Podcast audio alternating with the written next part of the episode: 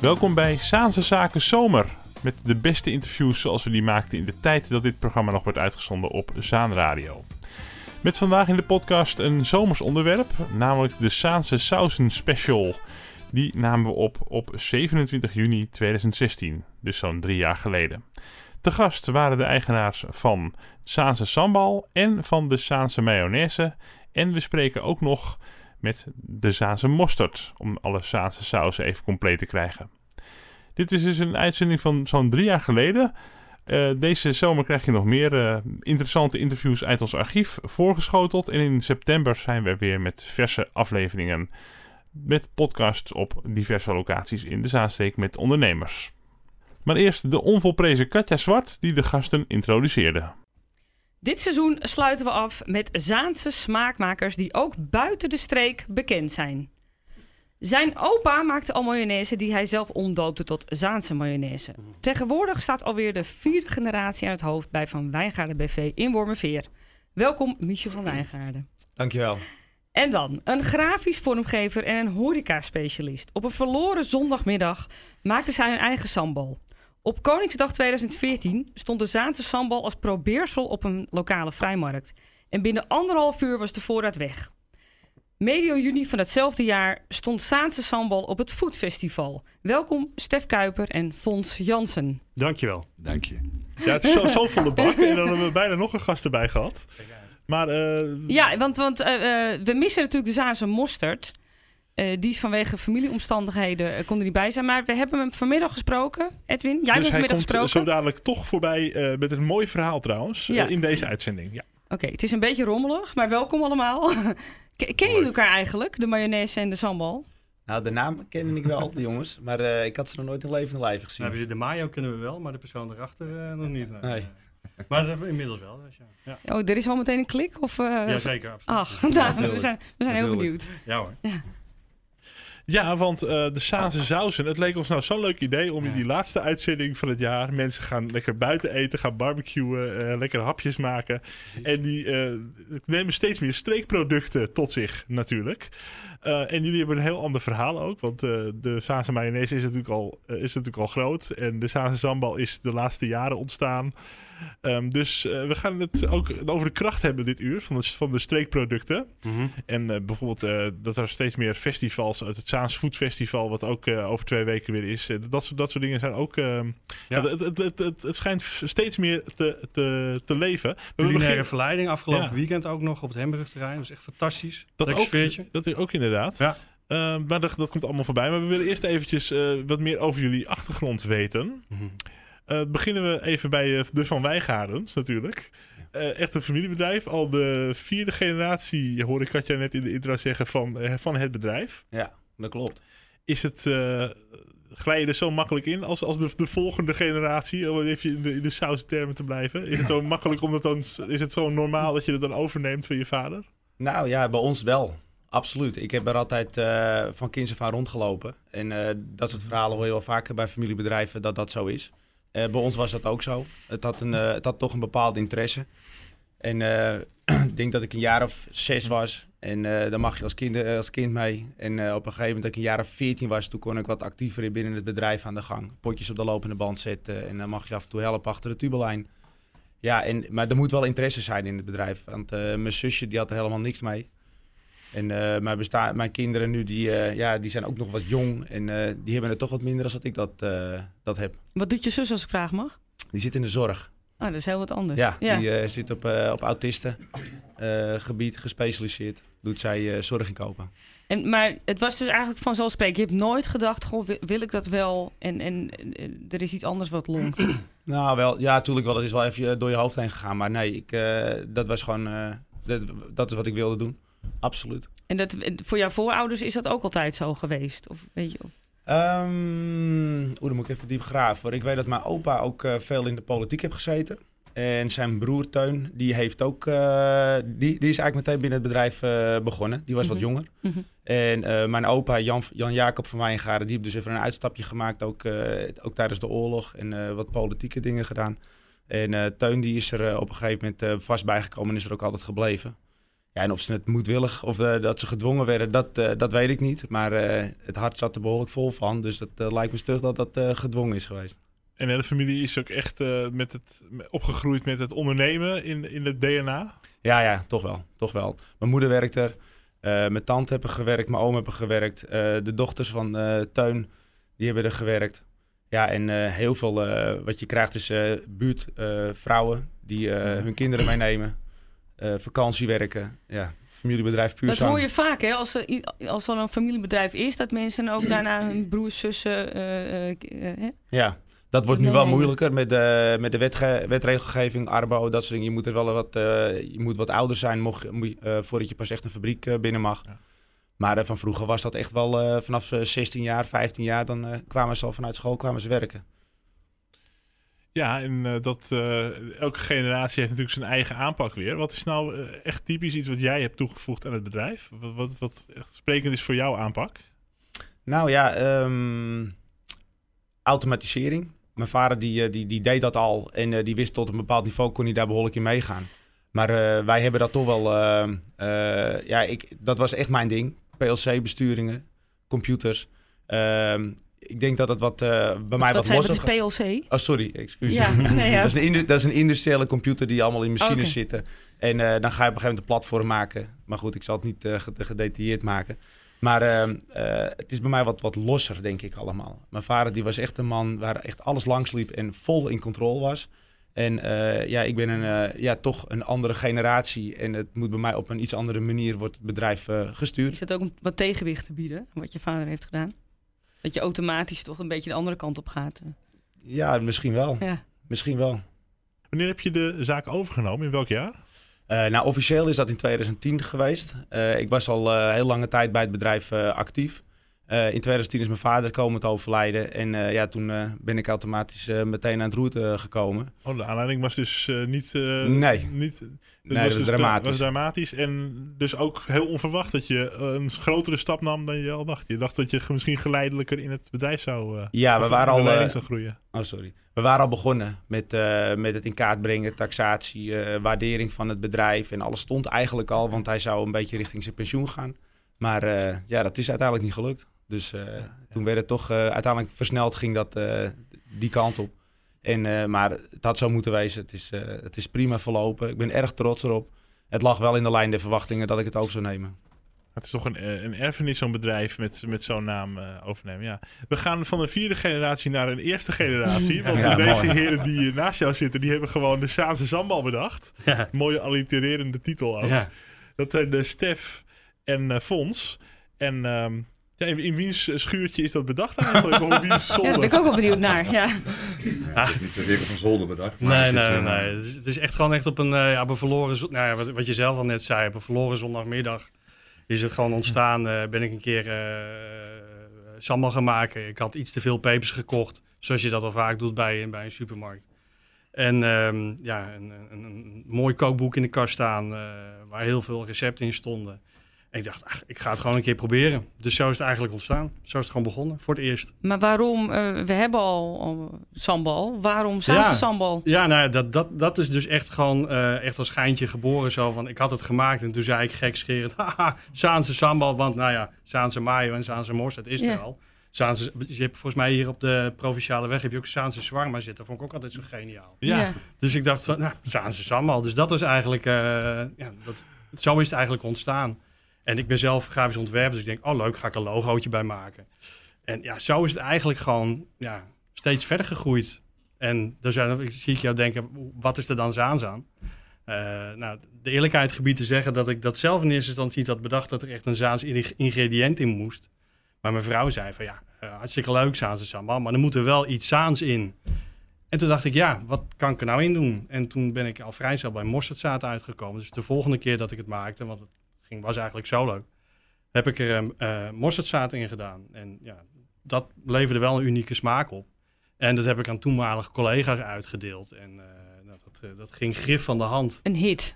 ja, een hit Ja. inderdaad. Ja, Ja. ja, een hit. En um, nou, net wat je net al in, in wat je collega in de introductie al zei. Toen, uh, toen heb ik gewoon de stoute schoenen aangetrokken. Ben op eh, Koningsdag... eh, ja, draai even mijn microfoon even deze kant. Ja. Op een, op een eh, Koningsdag heb ik eh, met twintig potjes hier eh, in, eh, in Koog op het, eh, bij het Kerkplein gestaan. Mensen laten proeven. Nou, in no time was dat op. En toen is het... eh, toen kwam eh, Ronald van de Kokkelon in, in de Zaan, Koog aan de Zaan. Die Ja. kwam naar me toe. Goh, ga je met ons mee naar het Food Festival? Toen moest ik er honderd maken met officiële etiketjes Dat was en schrikken, dergelijke. denk ik. Daar was wel even schrik Ja. inderdaad, ja. Maar ook etiketten, weet je. Moet je voedingswaarde, toestand. Oh mijn... Hoe ga ik dat aan? Ja, waar ben ik aan begonnen? Ben ik aan begonnen? Ja. Nou, weet je, afgelopen hobby. Ik zie de paniek nou ja, nog op je gezicht. Nou, echt, Ja. echt, nou, echt, echt de dag daarvoor had ik, oh, ik moet alsnog labelen. Nou, maar het was vooral gewoon de lol die ik eraan had. En gewoon het, het leuke is, weet je, mensen kennen natuurlijk Saanse mayo van de heerlijke mayonaise en Mhm. Saanse mosterd. Dus dan lopen ze langs Saanse, Saanse sambal, wat is dat? Nou, ik vind het ook altijd wel leuk om mensen te laten proeven. Ik heb in mijn studio ook altijd in de horeca geweest. Dus ja, dat vind ik wel leuk om mensen te benaderen. En eh, ja, vaak aangenaam verrast. En oh, wat bijzonder en wat grappig. Nou, ik had 100 potjes gemaakt. Nou, als ik er 200 had gemaakt, had ik ze waarschijnlijk ook verkocht. En toen, ja, toen is de, dus de sneeuwbal echt gaan rollen. En eh, Fons, goede vriend van me, die...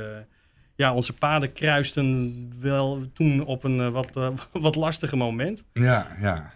Bij Ja, de, Wat gebeurde er? nou, de, nou, de, de aanleiding was, ja, we, we, we spraken elkaar regelmatig, maar een, eh, de vader van een gezamenlijke vriend van ons kwam te overlijden.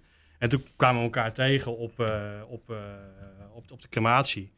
En Ja. toen, ja, toen is eigenlijk, eh, toen hebben we... Ja, toen, we hadden elkaar die week ervoor Ja. gesproken. Ah ja, precies, zei van, joh, eh, ik, ik heb wat leuks. Eh, ik heb Saanse sambal gemaakt en eh, ik had het ook al gezien via Facebook. Ja, en hij zei, dan neem ik een potje voor je mee. Ja. Dus je had met die crematie had jij een potje meegenomen. Mhm. En dat heb ik geproefd thuis. En ik kwam zelf uit een hele lastige periode, want ik ben een tijdje ziek geweest. En door mijn ziekte heb ik mijn, mijn bedrijf af moeten stoten eigenlijk. Wat ik, wat ik 15 jaar lang heb gedraaid. En toen proefde ik dit en toen dacht ik van, dat is lekker. en ik heb ook, mijn hart ligt in de horeca. Eh, ik ben erin opgegroeid en eh, eh, ik zit er nog steeds in. En ik zal er ook nooit uitgaan ook. Ja. Maar eh, ja, en toen heb ik Stef gebeld. Ik zei van, ja, als jij er iets mee wil doen, weet je, I'm your man. Want ik heb nu tijd genoeg. Of tijd genoeg, maar ik heb tijd. Ik zou wel zoiets willen oppakken. Ja. Ja.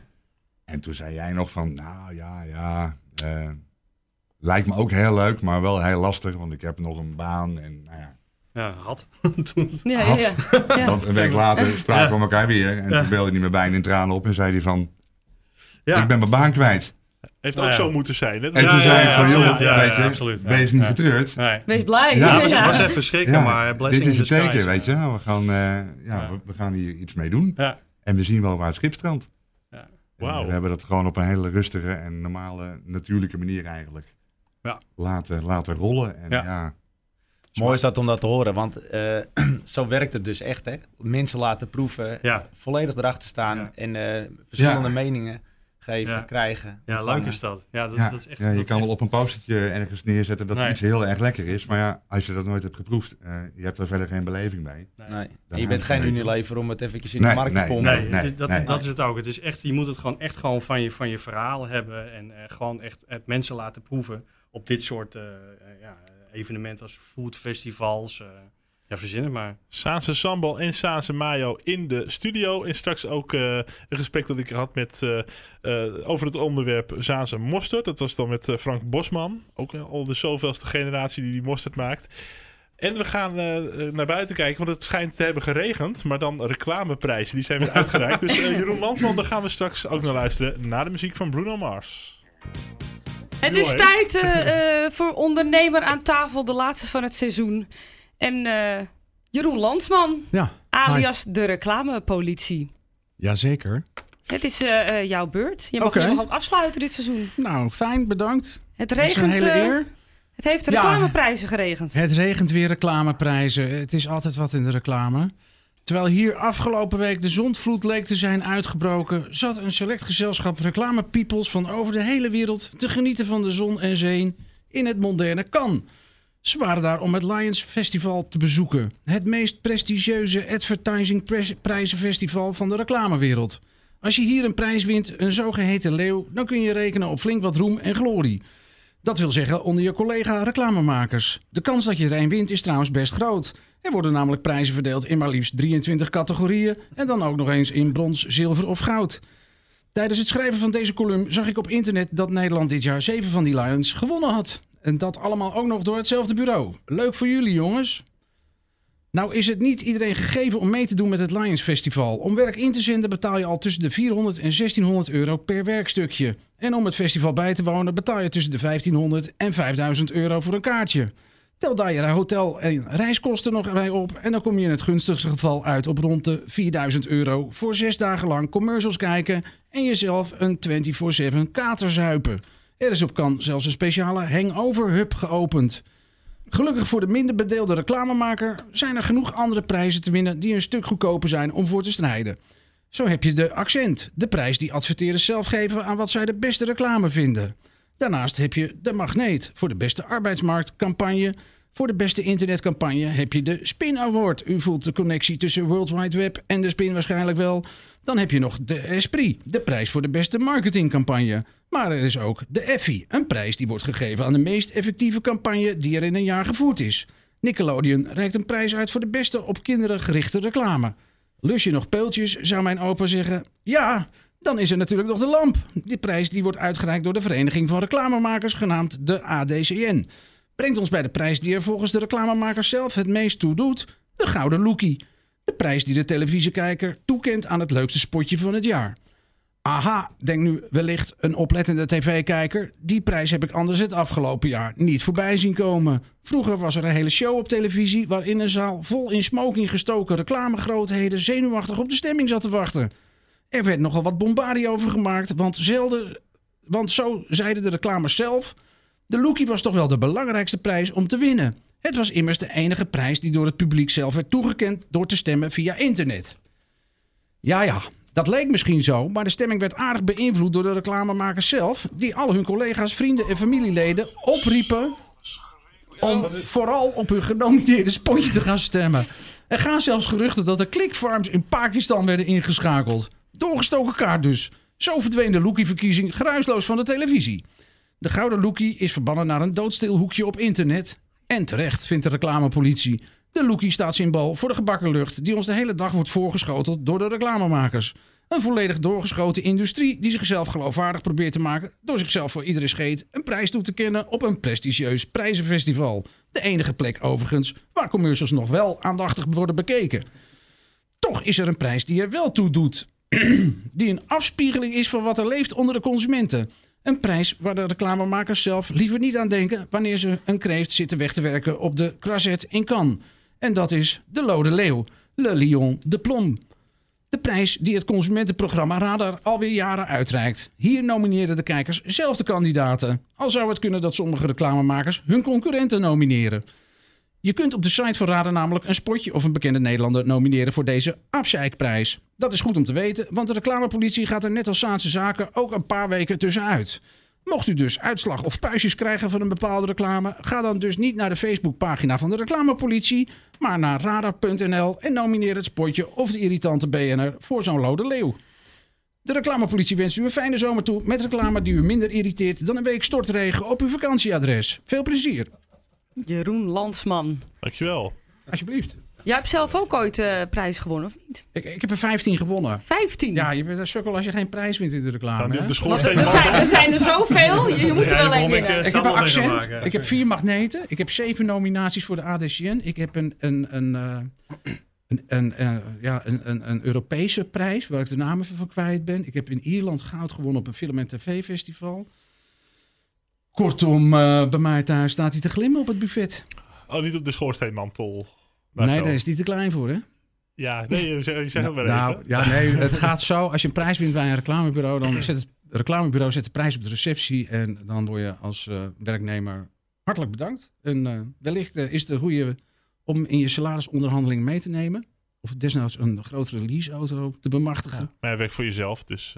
eh, Het werkt wel voor je, maar het is natuurlijk een rare wereld waarin eh, zoveel prijzen te winnen zijn met dingen waar eigenlijk niemand op zit te Ja, wachten. maar jij hebt je eigen bu- bureau, dus ga je er dan mee koketteren? Of, eh, Eh, nou, ik heb het wel op mijn site gezet om indruk te maken hier in de Zaanstreek. Omdat hier in de Zaanstreek niet zo heel veel mensen in Amsterdam hebben, hebben, ja. gewerkt bij reclamebureaus. Het maakt niet echt indruk, heb ik het idee. Dus. Nou, de- dat is bij de geheime dienst op de site is te vinden wat je allemaal hebt gevonden. Ja, op de Eh, site van de geheime dienst staan de prijzen. Ja. ook, ja. Eh, welke, welke, welke spotje zou je zelf nomineren voor de Loden Leeuw? Nu zou ik eh, Vanish Oxy Action eh, nomineren. Die eh, Ja, hebben heel- namelijk een heel typisch spotje. Waarbij eh, je een productdemonstratie ziet. Waar in ondertitels wordt aangegeven dat je handschoenen moet doen, aandoen als je het product gebruikt. Dat het gegeven voorbeeld in het spotje een iets wat eh, geoptimaliseerde eh, sp- afspiegeling van de werkelijkheid is. Dat staat allemaal in ondertitels in het spotje. Dus die komt zeker bij mij op de reclamepolitie op Facebook te staan.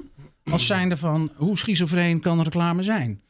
Oh, heerlijk, ja. Ja. En, die- en dan kun je ook nog stemmen als ik deze week op de beste radioreclame. Die heb je nog niet genoemd. Maar daar kunnen mensen ook nog naartoe. Ja, ik bedoel, eh, ik denk kruidvat, altijd verrassend, altijd voordelig. Dat eh, inderdaad, eh, als je nog eh, geen hoofdpijn hebt, dan krijg je wel... Ja. Ja, ik bedoel, Nou goed. mag het eens een keer wat anders zijn? Bedankt voor al je eh, reclamebijdragers dit seizoen. Graag gedaan. En voor je column. Jij blijft nog gezellig, want wij houden hier na, eh, na de uitzending gezellig een, onze netwerkborrel. Ja. Dus dan gaan we nog eens eventjes napraten op waar we nou eigenlijk op eh, kunnen stemmen nog de komende tijd. Maar eh, voor dit moment bedankt. Jeroen Landsman. Alsjeblieft. Dankjewel. Het is eh, tijd om verder te praten met onze hoofdgasten. De allemaal streekproducten. De ene al wat groter dan de andere. En al wat eh, be- beroemder dan de andere. Ehm, we hebben in de studio eh, Fons Jansen en eh, Stef Kuiper van Saanse Sambal. Be- begint ook steeds meer bekendheid te, te vergaren. En Michel van Wijngaarden van de Saanse mayonaise. En eh, ook heel veel andere producten die daarbij bij zijn gekomen. Ehm, eh, ik begin eventjes eh, bij eh, Stef en, eh, en Fons. Want ehm, misschien, jullie zijn denk ik een beetje geschrokken toen het opeens zo begon te groeien. Dan denk je, oh, is, is, het, is het dan een twijfelpunt? Kan ik hier mijn werk, mijn baan van maken of niet? Ik- Is er zo'n kantelpunt dat het lastig is om dat in te schatten?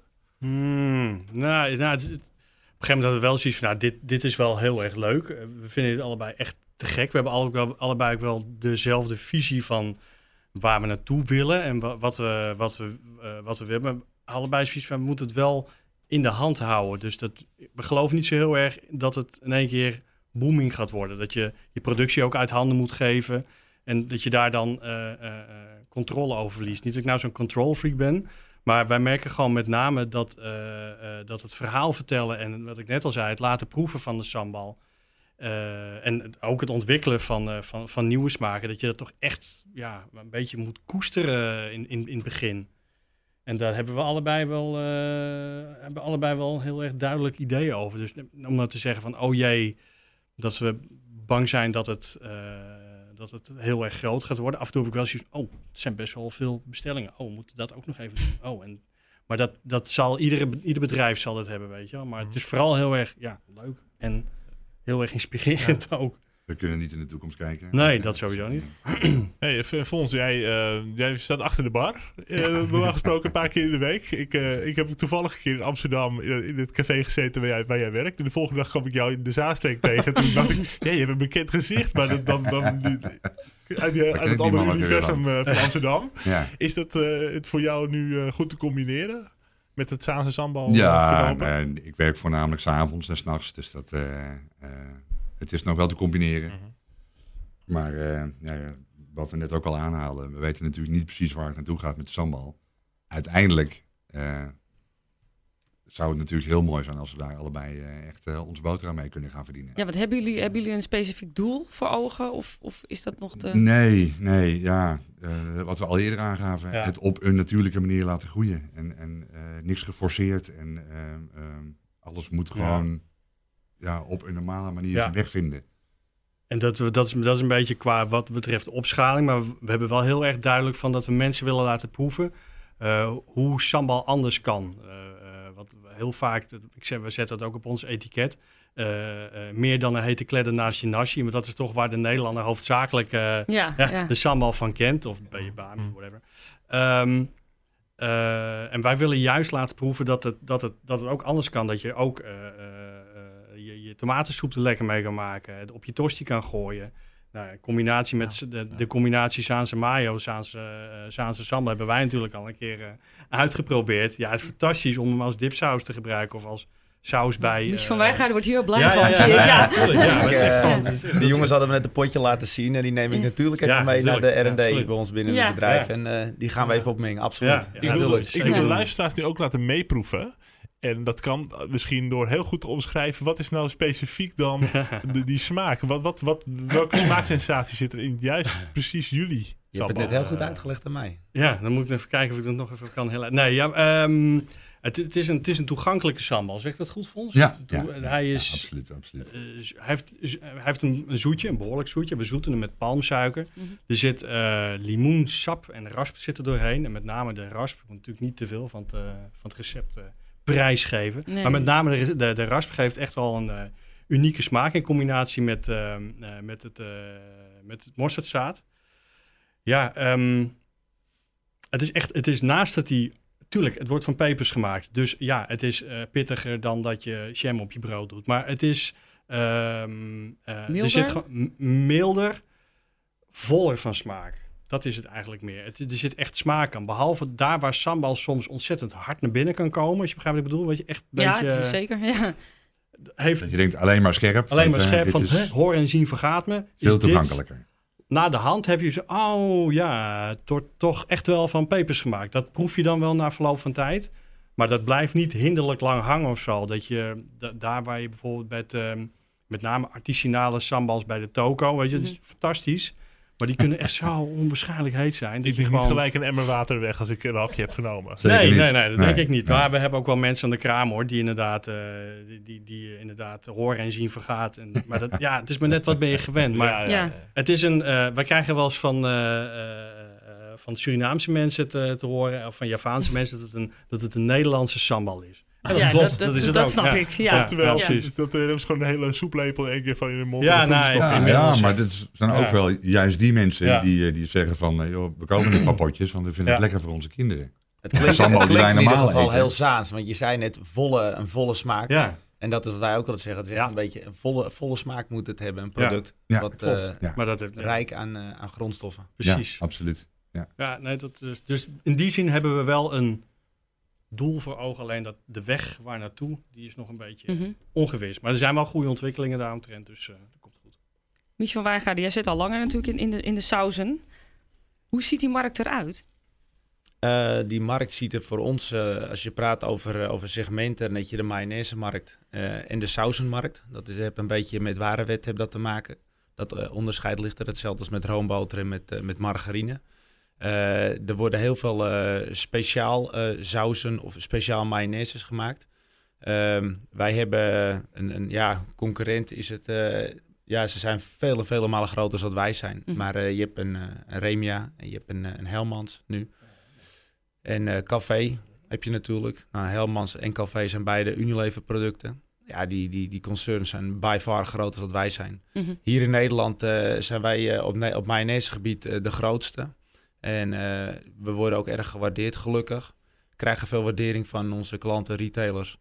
En ehm, ja, voor ons ziet het er heel rooskleurig uit op dit moment. En eh, we krijgen schapruimte, we mogen innoveren. Eh, de prijs is, is, is redelijk stabiel en goed in de supermarkt. En dat is voor ons heel erg belangrijk. Ja. Over die schapruimte gesproken. Ik heb natuurlijk ingelezen voor deze uitzending. Ja.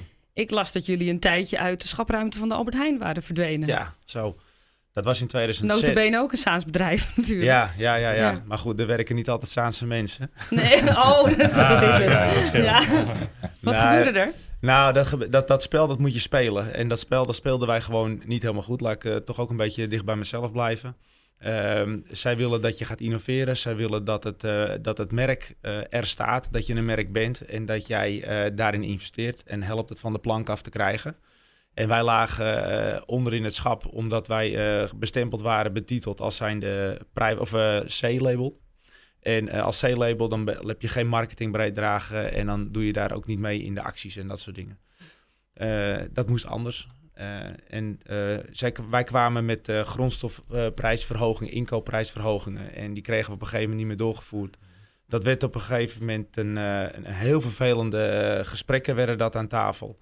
Waarbij op een gegeven moment eh, mijn vader de stekker eruit heeft moeten trekken van... Ja, sorry, maar ik kan niet mee met de wens van jullie. En ik ga mijn Zaanse mayonaise niet aanpassen. Dus ik ga niet naar een 70% oliegehalte en een 5% eigengehalte in het recept. Daar eh, gaan wij niet aan zitten. Wij konden op dat moment ook niet een ander type mayonaise maken. Want het ging om de prijs en er moest een goedkopere mayonaise komen. Omdat het onderkant markt was. Ja, dat spel dat speelden wij niet. Dat wilden we ook niet gaan spelen. Niet met ons merk. Geen concessies. Ja, geen Nee. concessies. Dus eh, dat de conse- consequentie was dat we er dus uitlagen. En eerst dachten we dat ze een grapje maakten, maar het was dus echt zo. En eh, toen, ja, toen 1 januari eh, 2007 er geen bestellingen meer waren gedaan, eh, ja, dan had je Dat miste dat met 12% van onze omzet toen de tijd. En dat deed heel veel zeer. Maar ja, het heeft ons wel ontzettend veel gebracht uiteindelijk. Want eh, hun waren ook de eerste die bij ons aan tafel zaten. Ik denk nog binnen het half jaar. En gezegd hebben van Wijngaarden, dit hebben jullie niet goed aangepakt. Eh, dit is, eh, laat het een, een eenmalig iets zijn. En eh, jullie moeten gewoon zorgen dat je een merk wordt. Een merk, dat ben je niet zomaar. Dan moet je, dat moet je voldoen aan bepaalde verplichtingen. Nou, dat spel dat hebben wij met Albert Heijn gespeeld. We hebben een marketingbureau in handen genomen, een communicatiebureau. We hebben een, een, een B-merk mayonaise op de markt gebracht. Dat heet Met Mayonaise. En zo hebben wij als het ware een soort Amstel van de Heineken kunnen creëren. En als ze goedkope mayonaise wilden, dan kregen ze de Met Mayonaise en de Zaanse Mayonaise. Die mochten ze wel, maar een ander prijsniveau. Die kopen ze sowieso dan bij jou. Dat is, eh, die, Ja. die- je creëert dan in je eigen prijsklasses. Ja. Jullie hebben op de dag van vandaag geen marketingafdeling, hè? Nee. Want dat viel ons heel erg op. Want als wij namelijk eh, eh, gasten benaderen voor dit programma... Ja. Ik ga het gewoon zeggen zoals het is, dan krijgen we altijd een of andere marketingmiep aan de telefoon. Als het om grote bedrijven gaat, ja, dan is het, hoe, wat zijn de kijk, luistercijfers? En anders komen we niet. Dus jullie waren een verademing voor ons. Oh, wat leuk om te horen. Ja. Hebben ze het goed gedaan. Ja, dus dat was, dat was heel erg prettig. Nou, maar hoe, natuurlijk hoe doe je het zonder marketing? eh? Nou ja, dat, je kent dat natuurlijk extern. Ja, je kent dat eh, net als een consultancy. Je kent dat gewoon eh binnenshuis halen, die kennis. En eh, wij zijn gewoon, eh, in, in, wij zijn qua merk ontzettend groot in Nederland. Maar qua bedrijf zijn wij niet echt super groot. En eh, ja, marketingafdeling, dat, eh, dat komt ergens met een bepaald aantal labels dat je voert als productiebedrijf zijnde of met een bepaalde omvang. Eh, ik sluit niks uit dat we het eh, ooit nog krijgen. Wat wij wel hebben is een productmanager. En die marketingactiviteiten erbij doet. En op het moment dat het op communicatie en, en, en echt grote, grote manningwerk wordt, dan halen we er een bureau bij die dat eh, veel beter beheerst als wij. En dan kan je wel een dame of een heer aangenemen die dat vol continu gaat doen. Maar dat, eh, ja, dat is voor ons gewoon een brugje te ver. Nu je succesvol bent, maar ook onafhankelijk. eh, en toch eh, een van de grotere mayonaises van Nederland. Staat er nooit een Unilever of zo'n groot bedrijf op de poort te rammelen om jouw naam en jouw merk over te nemen? Allemaal. en dan? Ja. Ja, dan zeg ik eh, nee. ja, vlak voordat Helmans eh, op de markt kwam, toen eh, heb ik ook een telefoontje gekregen. En of dat nou echt, ik weet, ze zeggen nooit wie het is. Maar ik heb het vermoeden dat, dat Unilever het wel is geweest. En ik denk twee maanden daarna kwam het Financieel Dagblad, die kwam ons peilen. Omdat ze te horen hadden gekregen dat ze met Helmans de markt op gingen hier in Nederland. En eh, ja, een week later lag Helmans in het schap. Dus ik heb een beetje vermoeden dat, eh, dat Unilever ook eh, is geweest. Ik, ik weet het alleen niet. Meestal als dat soort mensen of telefoontjes komen, dan zeggen ze nooit in eerste instantie eh, welk bedrijf het is. Dan dat ze willen praten, maar niet waar ze van zijn dan. Nee, Waarom zeg je nee? Eh, ambitie, toch. Eh, het, het gaat goed. Ik heb eh, een stel leuke collega's om me heen. Eh, het, het gaat goed. En ik, ik zou niet weten wat ik anders dan moet gaan doen. Het is toch een trots. En ja, ik ken het nog een beetje begaffelen zo. En ik, eh, ik vind het prima. Gek Grappig, doen. ik zie Ja. heel veel Ja. Dus heel gemeenschappelijke... van jou Ja. en van jouw familie. Ja, Ja, absoluut. Natuurlijk, natuurlijk, absoluut. natuurlijk. Mijn moeder die, eh, die Ja, zit tegenover me met de facturatie. En eh, ja, dat is gewoon erg, erg, erg leuk om dat, eh, om dat te doen. Nou ja, ik vind het wel standaard. De verleidingen kunnen ook op de hoek eh, komen natuurlijk met, met zo'n grote multinational. Dat, Ja, eh, ja, ja. er Zaanse ook. sambal heeft dus Ja, niet maar ik, ik eh? kan me echt volledig eh, vinden in wat, wat Michel zegt. Dat, ja, bij ons, wij komen echt net kijken natuurlijk op de Nou, markt. je zei, en je zei het net al, ik wil liever toch niet de controle Nee, maar- verliezen. Ja, maar weet je, als je iets doet wat, wat, je, wat je echt super leuk vindt. En eh, in Michels geval, als je een bedrijf eh, zo kan eh, voortzetten en zo eh, mooi als merk neer kan zetten. Ja, dat is toch fantastisch om te doen. Ja, tuurlijk kan je inderdaad ook voor het geld kiezen. Maar ja, wat, wat, wat moet je dan anders? Weet je, als je onderneemt, dan doe je dat vanuit hart en ziel. En, en Je wil ook Ja. even kijken hoe ver je kan komen, hè? ja, natuurlijk. Ja, Eh, even kijken, dat, Ja. eh, we gooien de, de volgende generatie, Ja, die gooit Ja, zonder weer even een ja. schepje boven. Ja, ja, absoluut. dat is echt waar. Hoor. We hebben hier de sambal en de mayonaise. Straks gaan we de mosterd ook nog toevoegen aan deze mix. Eh, we hebben de Zaanse mayonaise en de Zaanse sambal in huis. En eh, voor de uitzending sprak Edwin met Frank Bosman, de maker van Zaanse Mosterd. Een echt familiebedrijf. Het is een familiebedrijf. We zijn nog steeds zelfstandig. Eh, vroeger de- deed ik het ook met mijn zuster en met mijn vader en eh, met mijn moeder. Maar werd het, sinds een paar jaar werd het, doe ik het alleen. Missen wel af en toe in de zaak, maar het, volgens mij zijn ze toch nog wel een beetje trots op. Toen ik eh, wat onderzoek ging doen online, toen vond ik eigenlijk dat er maar vrij weinig mosterdmakers zijn in Nederland. Ja, dat klopt. Dat, eh, dat heeft te maken met, eh, ja, in, in levensmiddelenland, in de, in de supermarkten, de, alle inkopers, die zaten de, de mosterdfabrikanten tegen elkaar uit te spelen. Tegen de vertegenwoordiger zeiden ze, ja, moest luisteren, als je conculega in, in het schap zet, dan betaal ik twee cent minder. En als ik, als ik jullie in het schap heb zitten, ja, dan, dan moet er wat tegenover staan. Dus dat was een neerwaartse spiraal, waar dus eh, op een gegeven moment al, eh, ja, bijna alle eh, mosterdfabrikanten met capaciteit dan, dat die gesneuveld zijn. Hoe heeft de Saanse mosterd dat dan overleefd? Wij hebben er nooit aan meegedaan. En dat, dat hoeft ook niet, omdat wij toch wel een specifiek streekproduct hebben, wat de, wat de mensen toch blijkbaar heel erg aanspreekt. Ja, een echte zaankanter weet ook wel waar hij de mosterd moet halen, hè, om even een spreekwoord eh, te verbouwen. Ja. Maar eh, ook eh, in de rest van Nederland kom ik het tegen, in, in de supermarkten en dergelijke. Is het ook buiten Nederland dat het wordt besteld? Ja, wordt het, dat klopt ook. Wordt het, we ik heb nu weer een order uit Japan. Maar dat gaat per hele container tegelijk hoor. En hoe hebben ze dat on- ontdekt? Zijn ze dan een keer op de Saanse Schans geweest toevallig? Nee, dat niet. Het is misschien een misverstand, maar we, we maken geen mosterd meer op de Zaanse schans. De mosterd maken we op dit moment in Wormerveer. In een fabriek eigenlijk. En En het wa- was de bedoeling... hoe is dat zo gekomen?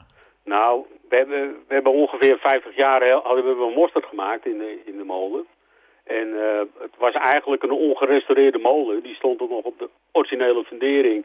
Origineel vloer zat erin, origineel dak zat erin. Het eh, was ongeveer aan één kant al 20 centimeter verzakt. Ja, op een gegeven moment moet je toch beslissen dat eh, die molen moest gerestaureerd worden. Het moest natuurlijk ook weer een molen worden. Maar nou hadden we weer een mosterdfabriek in. Er stonden alle moderne machines stonden erin om mosterd te maken. En daarom konden we ook meedoen met, eh, met de rest van Nederland om in de, in de supermarktschap te staan. En nu dus gewoon in een fabriek. Gaat dan niet de romantiek van het mosterd maken in zo'n molen helemaal verloren? Mis je dat Ja. niet? Dat, eh, dat mis je natuurlijk wel. Hè. Nu is het een eh, recht, rechthoekige metalen, oninteressante vierkante doos is het geworden. En de, molen had zijn charmes en ook de toeristen natuurlijk. Maar het, het was wel de bedoeling dat we weer eh, na de restauratie, dat we weer mosterd zouden gaan maken. Net zoals mijn vader, grootvader en overgrootvader gedaan had. Maar eh, op een gegeven moment toen, eh, toen en daar hadden we ook afspraken met elkaar over. Dat we, hoe we na de restauratie met elkaar om zouden gaan. En, en eh, op een gegeven moment eh, in 2009, augustus 2009, toen zijn we weer bij elkaar gekomen. En eh, toen werd ons even in twee minuten verteld van... nou, dit zijn de restauratieplannen. Hierbij zeggen we het huurcontract op. Over drie maanden moet je eruit zijn. Terwijl je er al 50 jaar in zit. Dat is op een hele vervelende manier verlopen destijds. Ja, we hebben het nog met een rechtszaak hebben we dat geprobeerd recht te zetten. Maar eh, dat hebben we helaas voor de rechter verloren. Wat zijn de voordelen van nu in Wormerveer werken? Heb je daar veel meer capaciteit? Mm, Ja, we in Wormerveer hebben we veel meer capaciteit. En eh, er valt nu ook te, te, te investeren in, in nieuwere, moderne apparatuur. Wat is eigenlijk het geheim van, het, van, van de Saanse? Nou, mis- misschien om het feit dat eh, eh, wij maken mosterd zoals wij denken dat we mosterd moeten maken. En eh, eigenlijk doen we daar geen concessies in.